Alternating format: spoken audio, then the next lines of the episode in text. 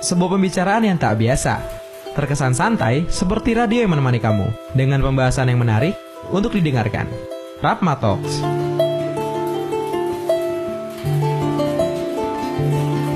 One oh seven point five Rapma FM, the first entertainment channel in Solo. Halo Kamus Brainers, gimana nih liburannya? Pasti seru kan? Pasti seru banget dong. Nah, uh, Kamus Brainers di Rapma Talks kali ini edisi pertama di tahun 2020 ada yang beda nih. Apa ya yang beda? Ayo tebak apa? Nah di Rama Talks kali ini kita kedatangan dari Badan Eksekutif Mahasiswa Universitas Muhammadiyah Surakarta Atau sering yang kita dengar tuh kayak BEM UMS kayak gitu. Nah mungkin dari Presiden dan Wakil Presidennya bisa kenalan terlebih dahulu nih. Namanya siapa, dari Prodi apa, kayak gitu. Oke, uh, perkenalkan nama saya Danang Maulana Arif Saputra. Mm-hmm. Di BEM UMS ini sebagai Presiden Mahasiswa mm-hmm. dari Fakultas Geografi Geografi program studi geografi semester berapa ya? Berarti ini 8 berarti ya udah masuk semester 8 gitu. Iya. Oke, okay, uh, eh, kalau saya Reski Gustiandi, uh, saya mahasiswa Fakultas Hukum angkatan 2016, ya sekarang semester 8 juga. Semester 8. Nah, sebelum talk show ini aku sempat stalking sih Instagramnya. nah, uh, Mas Danang itu sendiri itu kalau nggak salah suka banget sama daging gunung kan oh iya iya stalking nah, itu tuh gimana sih kayak uh, bagi waktunya antara hobi terus urusan pribadi lalu urusan UMS apalagi BEM kayak gitu dengan semester yang udah hitungannya udah oh, tua udah kayak itu. gitu Nah, kalau hobi itu kan hobi lama ya mbak mm. ya. Kalau lihat di tahunnya itu kan tahun sekitar 2016, 2017 mm. gitu.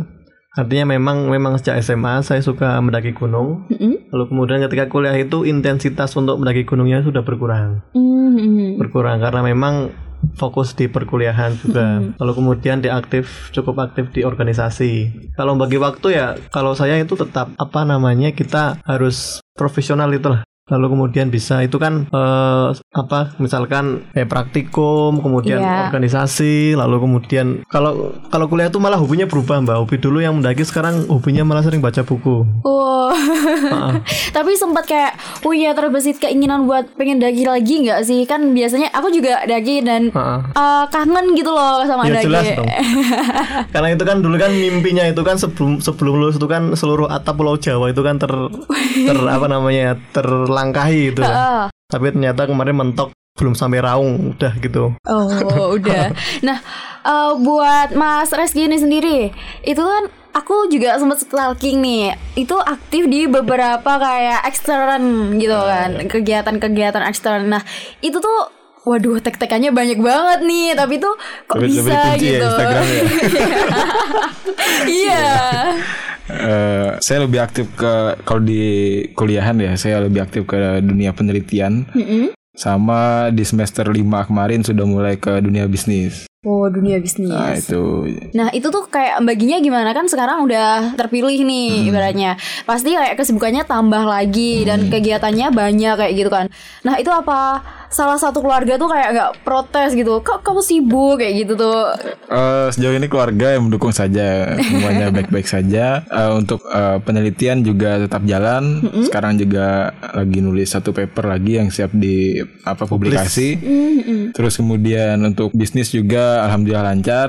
Di samping juga teman-teman itu uh, karena saya kan bentuk bisnis tuh pakai pakai tim kan. Oh, oh. jadi nggak bisnis tuh nggak ada yang bisa jalan sendiri. Mm -hmm. jadi bisnis tuh kolaborasi ya. Bagi bagi saya bisnis kolaborasi. Jadi uh, semester 5 liburan kemarin, semester 5 tahun kemarin ya, setahun yang lalu saya hmm. balik ke Sampit, saya rintis semua bisnis itu. Kemudian pokoknya saya merintis bisnis setiap liburan. Jadi liburan hmm. itu saya rintis bisnis kayak apa yang kira-kira peluang ya, itulah yang kemudian kita pikirkan bersama. Kebetulan teman-teman di sana ya iklimnya mendukung gitu untuk hmm. untuk membentuk tim bareng gitu kan. Jadi setelah saya balik lagi ke Solo ya semua baik-baik saja. Mereka yang menjalankan. Saya cukup buatkan ibaratnya kayak kalau mungkin ya apa ya master plan ya. Hmm, master master plan. Nah, grand desainnya seperti ini, arahan langkahnya seperti ini, nanti akses permodalan dan sebagainya seperti ini, kemudian pembagian keuntungan apa macam, untung ruginya ya sepertinya seperti ini. Jadi ketika sudah kuliah ya semua lancar-lancar saja. Paling mantap misalnya mungkin ada kendala sedikit ya kita rembuk online gitu kan, saling teleponan dan sebagainya begitu. Nah, eh, sebelum terpilih nih ya, sebelum terpilih jadi presiden dan wakil presiden, itu sebelumnya udah kenal belum Mas Reski dan juga Mas Danan itu sendiri? Udah udah saling kenal kita itu. kita, Iya, kita, kenal lewat pertama kenal lewat satu pertemuan forum ya. forum ketika itu ketemu kita Mas Valdo Maldini ya dulu. ya dulu dulu. Nah, forum itu lalu kemudian kemudian forum-forum lainnya, forum-forum ilmiah lainnya. Ya pertamanya belum begitu akrab gitu loh, karena memang dia anak Fakultas Hukum, saya geografi gitu. Apalagi dia juga mau apres. ya jadi beda mungkin ya Beda. satu lingkungan. Lalu kemudian kemarin ketika apa namanya pencalonan pres wapres, kemudian apa namanya kita satu visi lah untuk untuk memperbaiki apa yang telah vakum kemarin gitu. Nah, berarti kan kayak eh, nggak ada kendala nih, maksudnya kayak nggak ada kendala antar eh, aku belum kenal kamu nih kayak gitu contohnya. Jadi kok kamu kayak gini sih orangnya? Berarti kan nggak ada kendala seperti itu ya. Iya. Nah, untuk eh, mungkin Mas Danang dan Mas Rizky ini sendiri itu mulai bekerja sama itu udah berapa lama? Untuk bekerja sama ya, bukan kenalnya ya? Sebelum kita ma- apa ya mendeklarasikan diri di forum ya mungkin ya.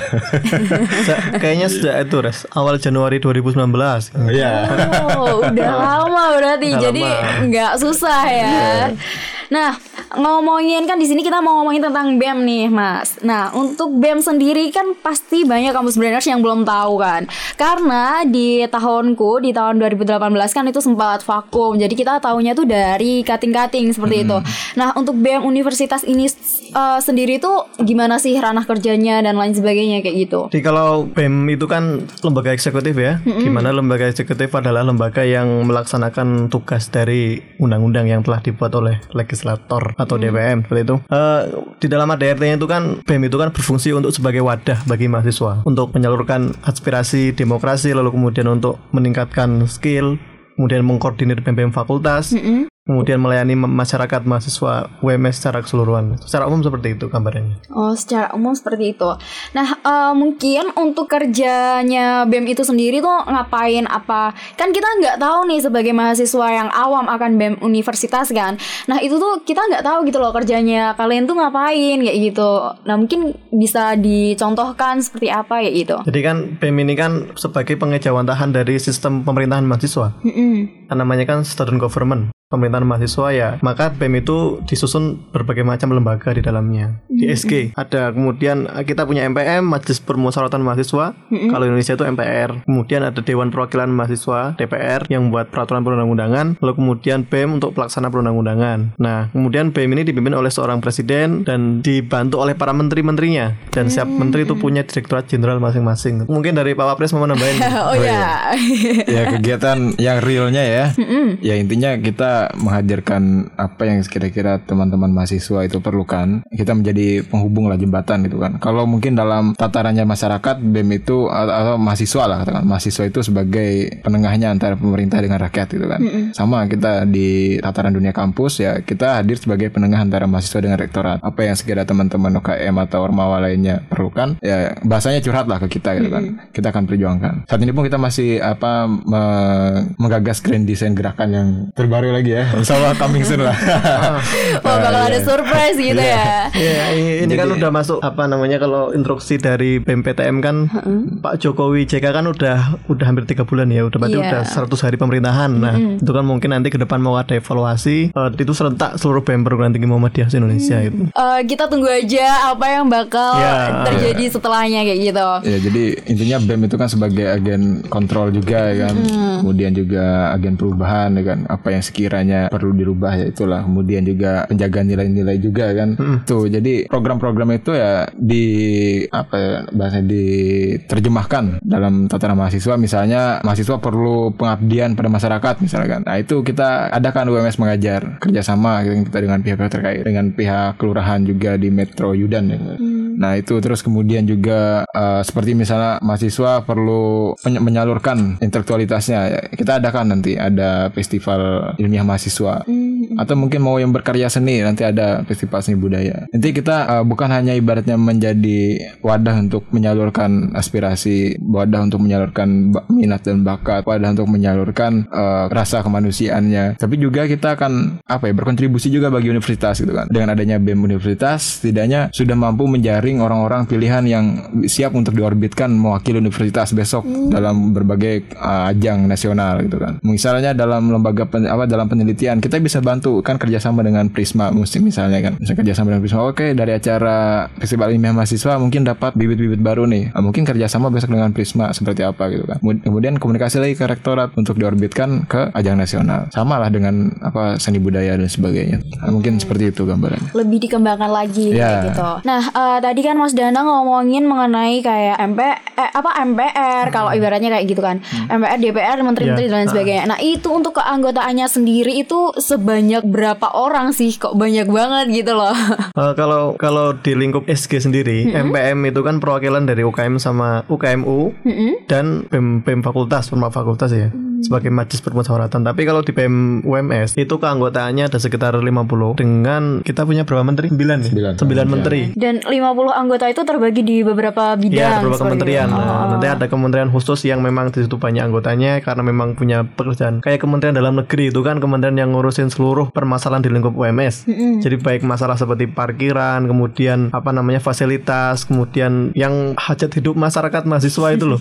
nah, itu kan diurus oleh Kementerian Dalam Negeri. Oh. Makanya, makanya porsinya paling banyak itu Menteri Dalam Negeri. Nah itu pasti terdiri dari beberapa fakultas dong orang-orangnya kan. Uh-uh. Nah itu kan kemarin banyak banget nih yang komen-komen di Instagramnya Rapma tuh. Hmm. Gimana sih uh, biar kita tuh bisa masuk gitu loh, biar kita bisa daftar walaupun kita mungkin bukan delegasi, kita mahasiswa kupu-kupu seperti itu. Uh, jadi sama halnya dengan seperti kayak Pak Jokowi mengangkat menteri ya. Mm-hmm. Pak Jokowi mengangkat menteri itu kan nggak ada klasifikasi khusus. Misalkan pendidikannya itu kan nggak ada. Itulah mm -hmm. kenapa Bu Susi bisa jadi menteri kan meskipun mm -hmm. pendidikannya belum sampai S1 gitu. Mm -hmm. Ya sama dengan BEM juga seperti itu, nggak ada klasifikasi khusus misalkan uh, harus mengikuti ini, harus mengikuti ini enggak, tapi kita tuh melihat track recordnya. Mm -hmm. Track record dia lalu kemudian kembali lagi itu adalah hak prerogatifnya sebagai presiden. Yang jelas semakin apa ya track record seseorang itu bisa bisa dipertimbangkan, ya masalah masuk aja gitu. Berarti kita lihatnya dari ya, track, track recordnya uh, gitu. Track record. Nah,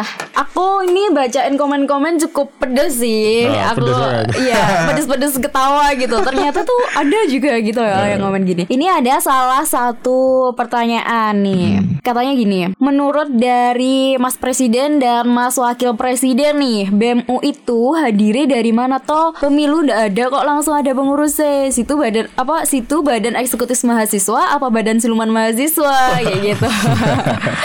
Mungkin bisa dijawab. Iya. Jadi itu bagus pertanyaannya. Saya saya mengapresiasi tersebut. Uh, ini kan zaman udah 4.0 ya. Iya. Di mana uh, keterbukaan informasi bermedia sosial itu kan sangat sangat cepat. Mm -mm. Saya kira untuk mencari informasi kapan mau dilaksanakan kepengurusan BMU itu dalam waktu satu detik Anda bisa mm -mm. buka lewat HP itu kan. Sama ketika pengurusan SG ini vakum, kemudian kenapa terbentuk itu kan oleh teman-teman media itu kan udah meng, meng apa namanya dia merilis berita jauh-jauh hari. Seperti itu sejak bulan April loh.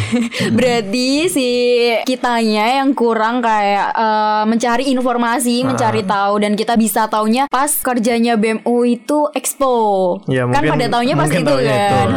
Jadi mungkin kayak kita memang kurang cari tahu sih.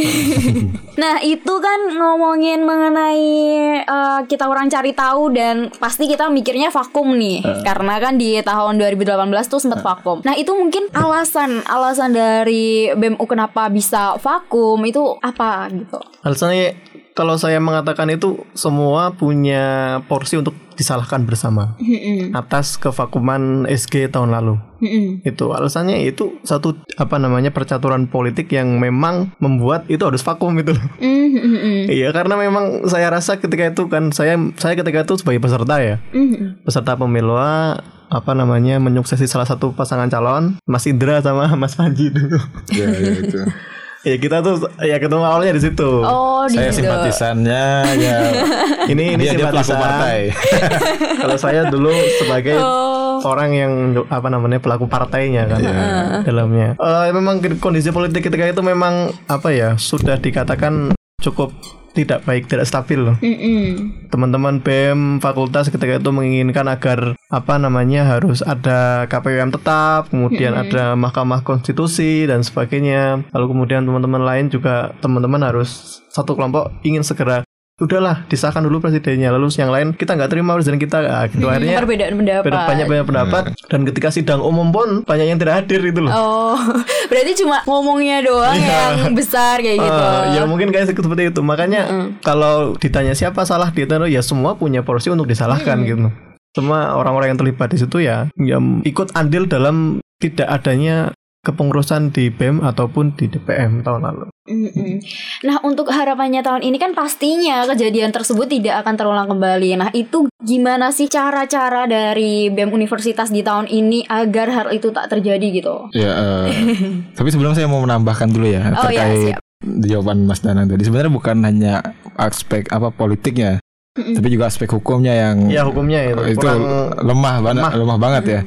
Jadi di dalam undang-undang itu tidak ada apa ya, dari pembentuk undang-undang itu tidak memikirkan bagaimana nanti kalau misalnya ada konflik atau apa penyelesaiannya bagaimana itu nggak ada. Kalau mungkin bahasanya adalah manajemen krisis ya itu itu nggak dipikirkan dalam undang-undang itu. Nah sedangkan kalau undang-undang yang sifatnya apa ya penting itu urgent kan pem- pemilihan umum mahasiswa ya itu harus dipikirkan manajemen krisis seperti apa nanti kalau misalnya terjadi perselisihan ini nanti larinya ke mana gitu kan.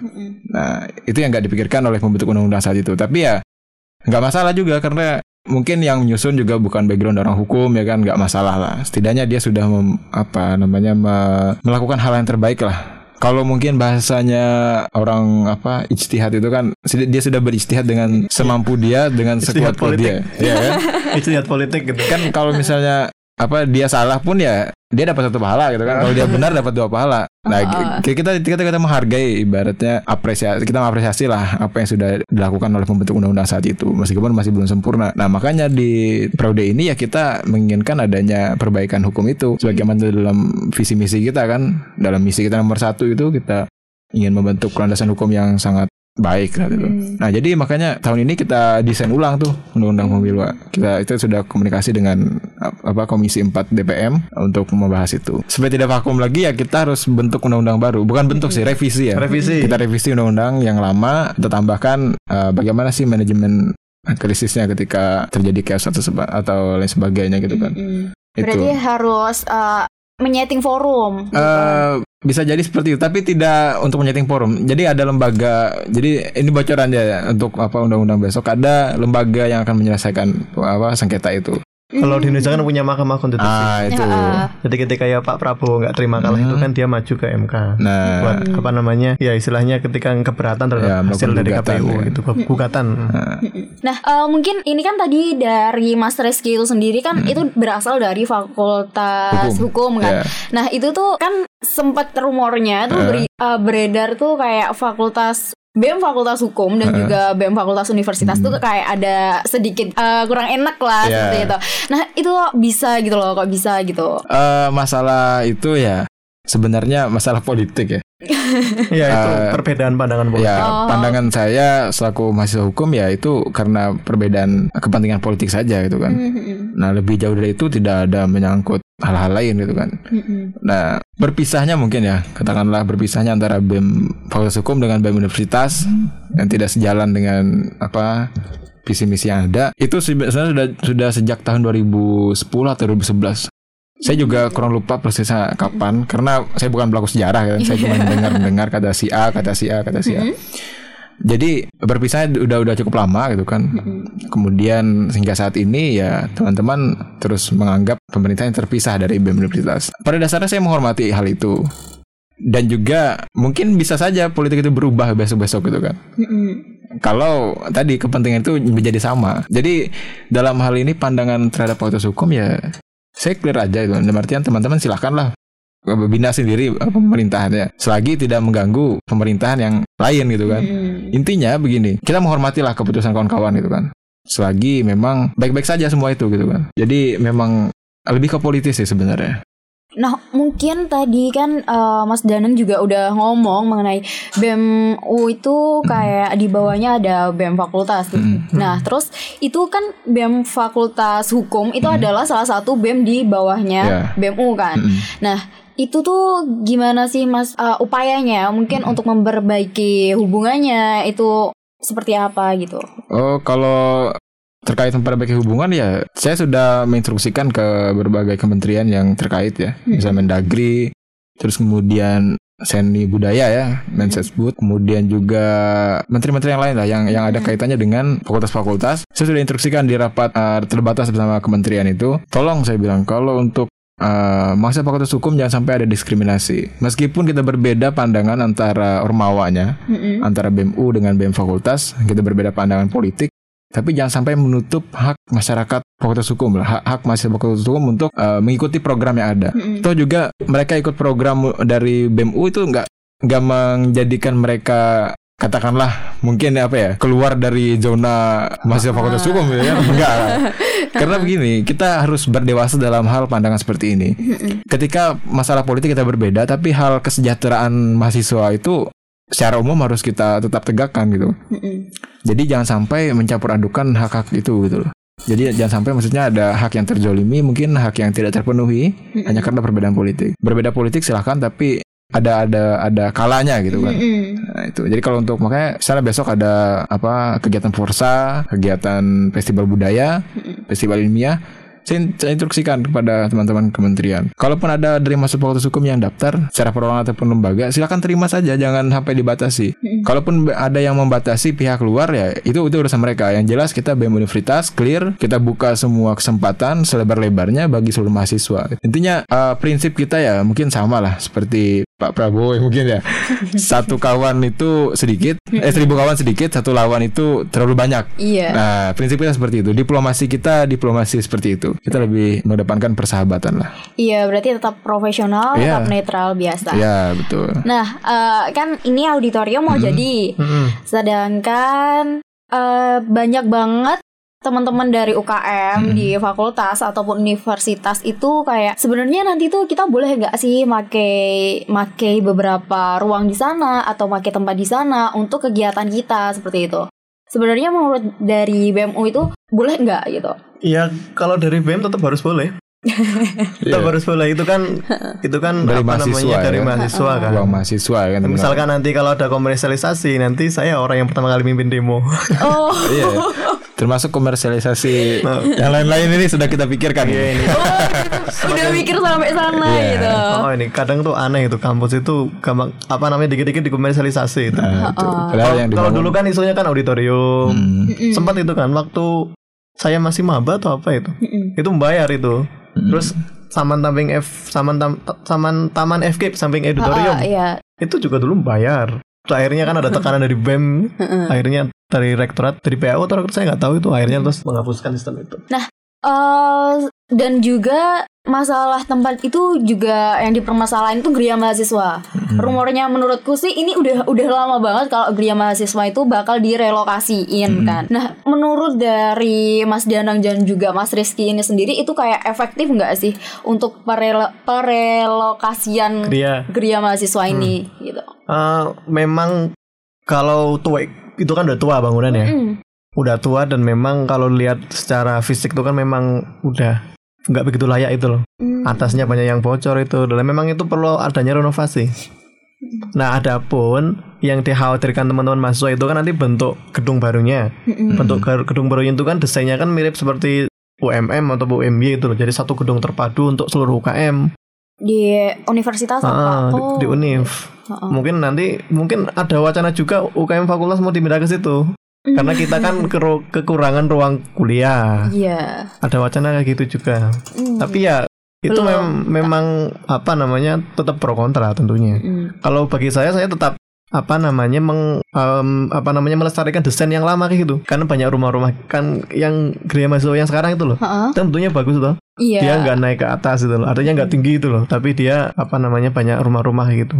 Nah, mungkin eh, dari uh, UKM UKM itu sendiri kan dulu tuh sempat kan di diurus oleh beberapa UKM yang ada di universitas sebelum BEM universitas itu ada kan. Mm. Nah, itu tuh kayak menurut kalian dari Mas Danang dan juga Mas Rizky itu tuh kayak uh, lebih efektif kayak gitu apa lebih efektif ada BEM universitasnya karena dulu kan sebelum ada BEM universitas kan semua UKM kan yang ikut andil dalam menyukseskan proker-prokernya dari BEM universitas. Nah, itu mungkin tanggapannya tuh gimana?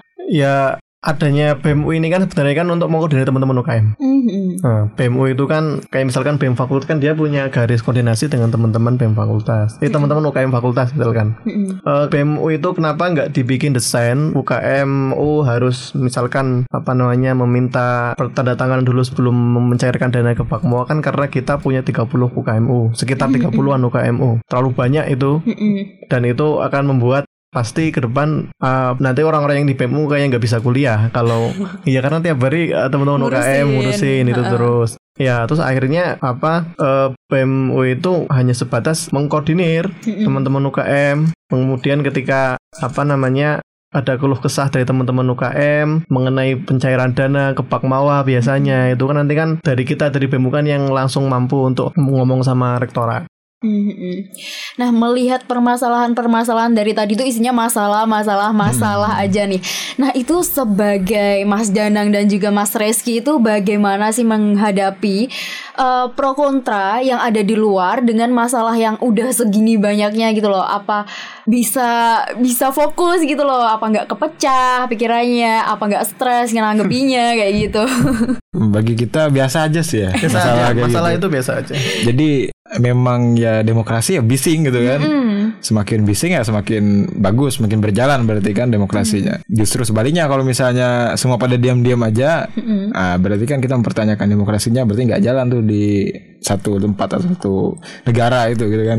Kalau nek anak-anak BMU itu nganggapnya gini, ketika nggak ada masalah ya itu suatu permasalahan baru gitu. ya, Hmm. Betul. Ya, tapi kalau nggak ada masalah ya itu masalah. Oh ya, oh, bener. Nah, eh, menurut presiden dan wakil presiden ini dari salah satu yang tanya di Instagram kita, menurut presiden dan wakil presiden sikap apa yang menjadikan kita seorang leader yang baik? Dan kalau boleh tahu gimana cara mengatur waktu agar lebih produktif? Kan tadi kalau atur waktu udah lah ya.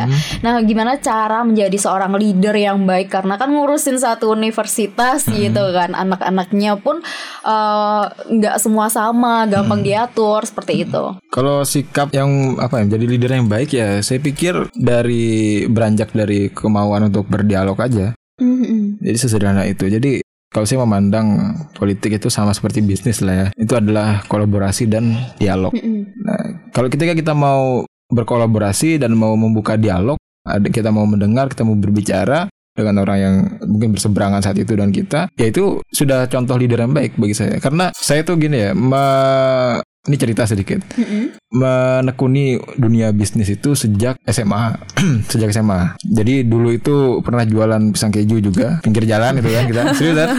Eh, cuman bertahan ya berapa bulan, dua, dua bulan saat itu. Karena setelah itu bisnisnya udah mulai lancar diambil alih oleh keluarga teman. Kemudian setelah itu eh, banyak lah mulai percetakan juga, fotografi juga. Yang mana eh, fotografi juga saya eh, nggak kenal tuh dengan orang itu, dengan teman yang satu tim itu. Itu tadi. Kemudian sampai ke percetakan juga. percetakan saya sendiri saat itu ngelola. Kemudian setelah kuliah fokus kuliah setelah itu di semester 5 kepikiran lagi kayaknya percetakan bisa dibalikin lagi nih kemudian apa lagi yang sekira relevan dengan zaman sekarang nah di semester 5 ini saya mulai bisnis itu juga nggak kenal dengan orang-orang baru itu. Ya saya cuman kenal karena kegiatan-kegiatan gitu kan. Oh kenal dengan si A, kenal si B. Berarti bisa diajak dialog, diajak kolaborasi. Ya sama mungkin eh, seperti politik inilah. Jadi kemauan kita untuk membuka diri, kemauan kita untuk berkolaborasi itulah kunci apa ya sikap baik seorang leader gitu kan.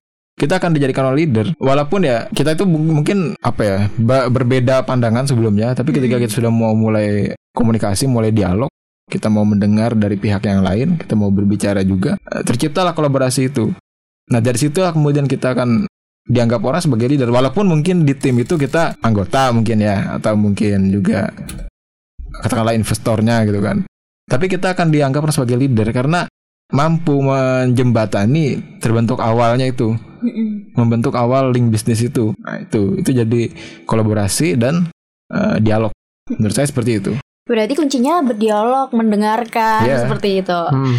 Nah, eh, dulu kenapa sih pengen banget ngurusin UMS yang segini ribetnya, segini banyak masalahnya, orang-orangnya yang mungkin mulutnya pedes-pedes kayak gitu. Eh, karena kalau saya gini prinsipnya, ketika amanah membuat kamu menjadi lebih baik, maka ambillah amanah tersebut itu loh. Artinya kan kadang kan kita kan seperti itu toh. Eh, misalkan ketika kamu jadi ketua, pasti kan kamu harus bersikap paling enggak kamu harus jaga image. Jaga agar wibawa kamu itu ada. Jaga agar sikap kamu itu ya kelihatan elegan itu meskipun terpaksa terkadang kan. Iya. ya itu itu karena memang beban beban artinya apa artinya dengan mengambil satu tanggung jawab pasti kadang seorang itu akan merasa lebih baik itu loh mbak Mm-mm. dan kenapa kok saya terbesit untuk eh, mengambil peran sebagai presiden mahasiswa ya karena memang ketika itu dorongan dari teman-teman UKMU juga Mm. karena kan kita kan jadi pres pres kan atas mandataris ya Mm-mm. teman-teman BEM fakultas kemudian teman-teman UKMU ketika itu kan banyak yang memberikan dukungan secara secara lembaga itu loh. Mas ini kami dari UKM ini siap mendukung Anda sebagai presiden dan wakil presiden gitu. Waduh gitu. Mas ini kita dari BEM ini siap mendukung Anda sebagai presiden wakil ya kalau memang teman-teman ketika itu mensupport kita ya sudah Bismillah lah kita bangun bersama-sama lagi ini. Apa namanya? BEM BEM dan DPM UMS yang vakum. Oh iya. Nah, mungkin balik lagi ngomongin tentang vakum. Nah, gimana sih kayak cara cara agar biar mungkin kan harapannya BEM universitas yang sekarang tuh lebih baik dari BEM universitas yang dulu kan. Nah, itu cara langkah apa yang Mas Danang dan juga Mas Reski pilih atau mungkin Mas Reski dan Mas Danang itu kayak rencanain gitu loh agar itu tuh lebih baik seperti itu. Kalau undang-undang kita kan udah lama ya, Mm-mm. zaman sudah berubah. Mm-mm. Artinya memang demokrasi juga udah berubah gitu. Mm-mm. Artinya memang perlu adanya eh, satu pembaruan di dalam hukum, reformasi di bidang hukum, Mm-mm. termasuk membuat lembaga-lembaga baru. Misalkan KPUM tetap, Panwaslu tetap, mungkin ke depannya nanti ada Mahkamah Konstitusi mungkin ke depannya. Ya artinya eh, sistem pemerintahan mahasiswa ini model-model lama itu tetap harus ditinggalkan, Berarti kayak di uh, di-update. di upgrade dari Eh, yang dulu karena kayak kampus-kampus karena waktu pertama kita jabat itu kan juga kita berkunjung ke kampus-kampus lain. Mm-mm. kita melihat tuh gimana sih sistem pemerintahan yang ada di UAD di UGM itu gimana di UNS itu gimana di UMY itu gimana gitu sistemnya itu bagaimana itu loh kita apa namanya mencari informasi kita belajar dari sana oh dirangkum oh ternyata kalau di kampus ini itu sudah ada ini ya udah ada trias politikannya oh sini tuh partainya kayak gini Mm-mm. ya dari perjalanan itulah kita akhirnya apa namanya ya berusaha untuk mengupdate itu lembaga-lembaga mahasiswa yang ada di UMS itu.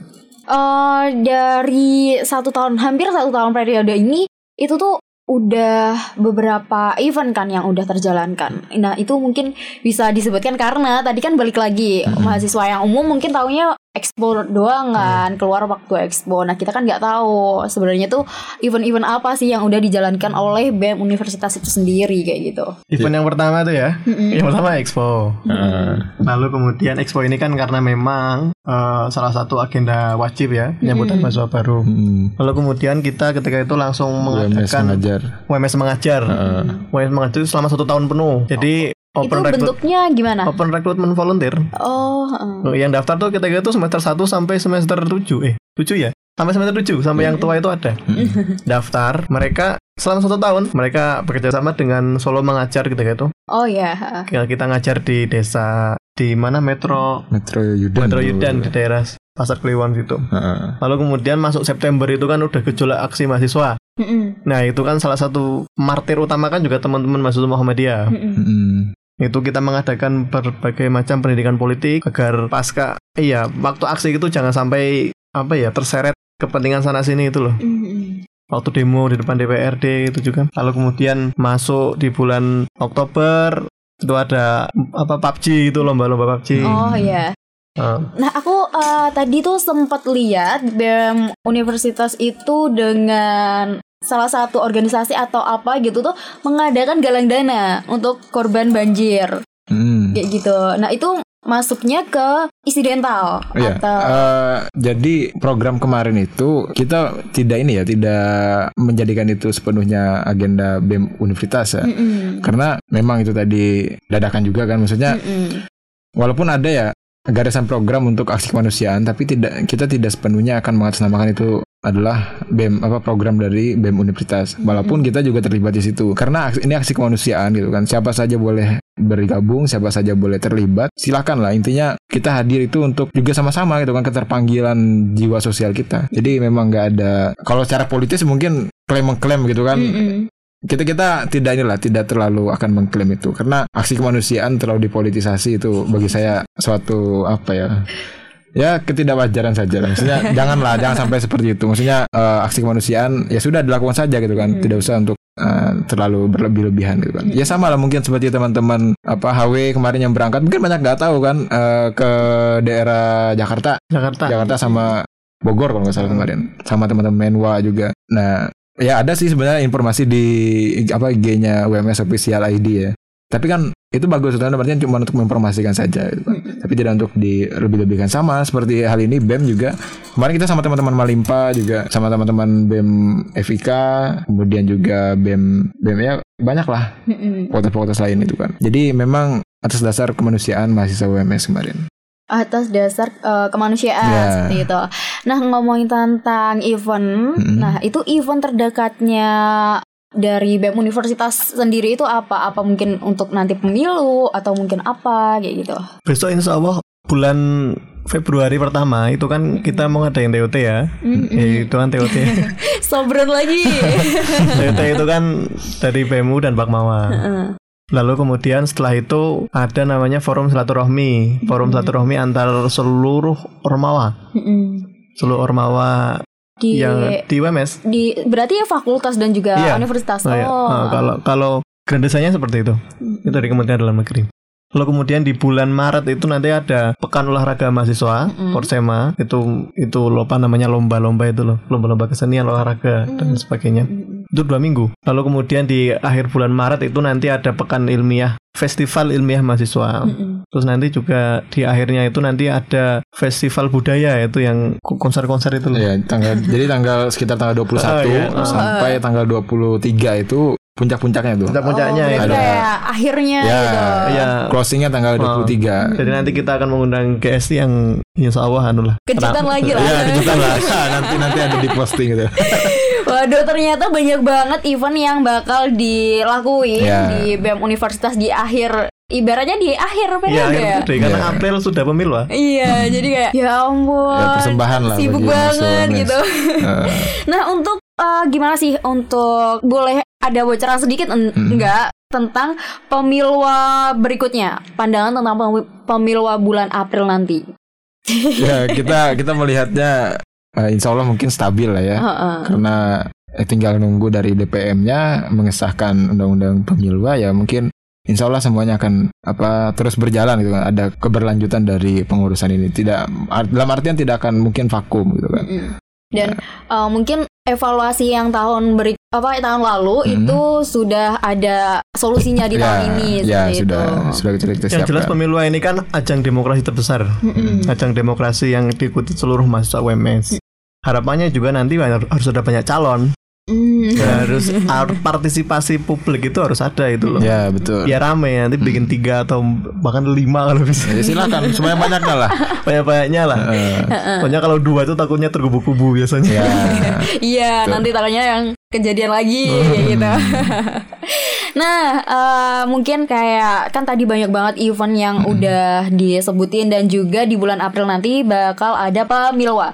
Nah, tadi kan eh, Mas Danang tuh ngomongin mengenai eh, event pertama tuh Expo. Mm-mm. Nah, itu expo tuh besarnya seperti itu besarnya kan sampai berkloter-kloter. Nah itu tuh gimana sih kayak nyiapin itunya kan eh, denger-dengar nggak lebih dari tiga bulan kan. Hmm. Nah itu tuh kayak keteteran nggak sih apa gimana gitu. Dan kalau di UMS itu kan beda dengan univ-univ lain ya. Mm-mm. Kalau di univ lain itu kan saya lihat eh, penerimaan mahasiswa baru itu kan full total yang megang dari BEM. Mm-mm. Ya toh? Kayak di ya Anda bisa lihat lah di univ-univ lain di Instagram mereka. Kalau di UMS ini kan memang eh apa namanya bantuan atau campur tangan dari pihak rektorat kan ada di situ. Mm-mm. Ya artinya memang kita bekerja sama dengan dengan pihak pihak rektorat terutama dalam penyambutan mahasiswa baru. Nah, makanya kadang banyak yang tanya kenapa sih ketika oprek eh ketika penerimaan mahasiswa baru kok nggak ada oprek gitu. Mm-mm. Biasanya nggak ada oprek panitia-panitia apa gitu. Oh volunteer. Ah, volunteer kan Heeh. biasanya kan ada kan Ya oh, ada. apalah kalau kalau jenengan main ke univ lain kan biasanya ada tapi UMS tuh nggak seperti itu karena memang desain penerimaan mahasiswa baru kita itu yaitu ditangani langsung oleh BEM UMS Mm-mm. kemudian langsung dengan rektorat dari pihak rektorat Hmm, seperti itu. Jadi ketua panitianya tuh memang dari dosen, iya ketua pemerintahnya itu dosen-dosen memang gitu Eh, Berarti kita cuma pelaksana seperti itu. Ah, pelaksana tidak juga sepenuhnya pelaksana. tidak sepenuhnya pelaksana Jadi BEM UMS mungkin lebih ke mengkoordinir Ah, jalan mengkoordinir. Oh, teman-teman gitu. teman-teman UKMU kan Eh, karena kan kan ada kan UKMU kan juga mereka menampilkan anu kan slide slide Iya. videonya itu kan nah itu kan nanti teman-teman BMU yang mengkoordinir yang bagi-bagi ini ruangan mana kalau masalah gitu. pembicara itu kan pilihan dari universitas, dari ya tadi ketua panitia yang dari dosen-dosen gitu kan. Hmm, seperti itu. Mm.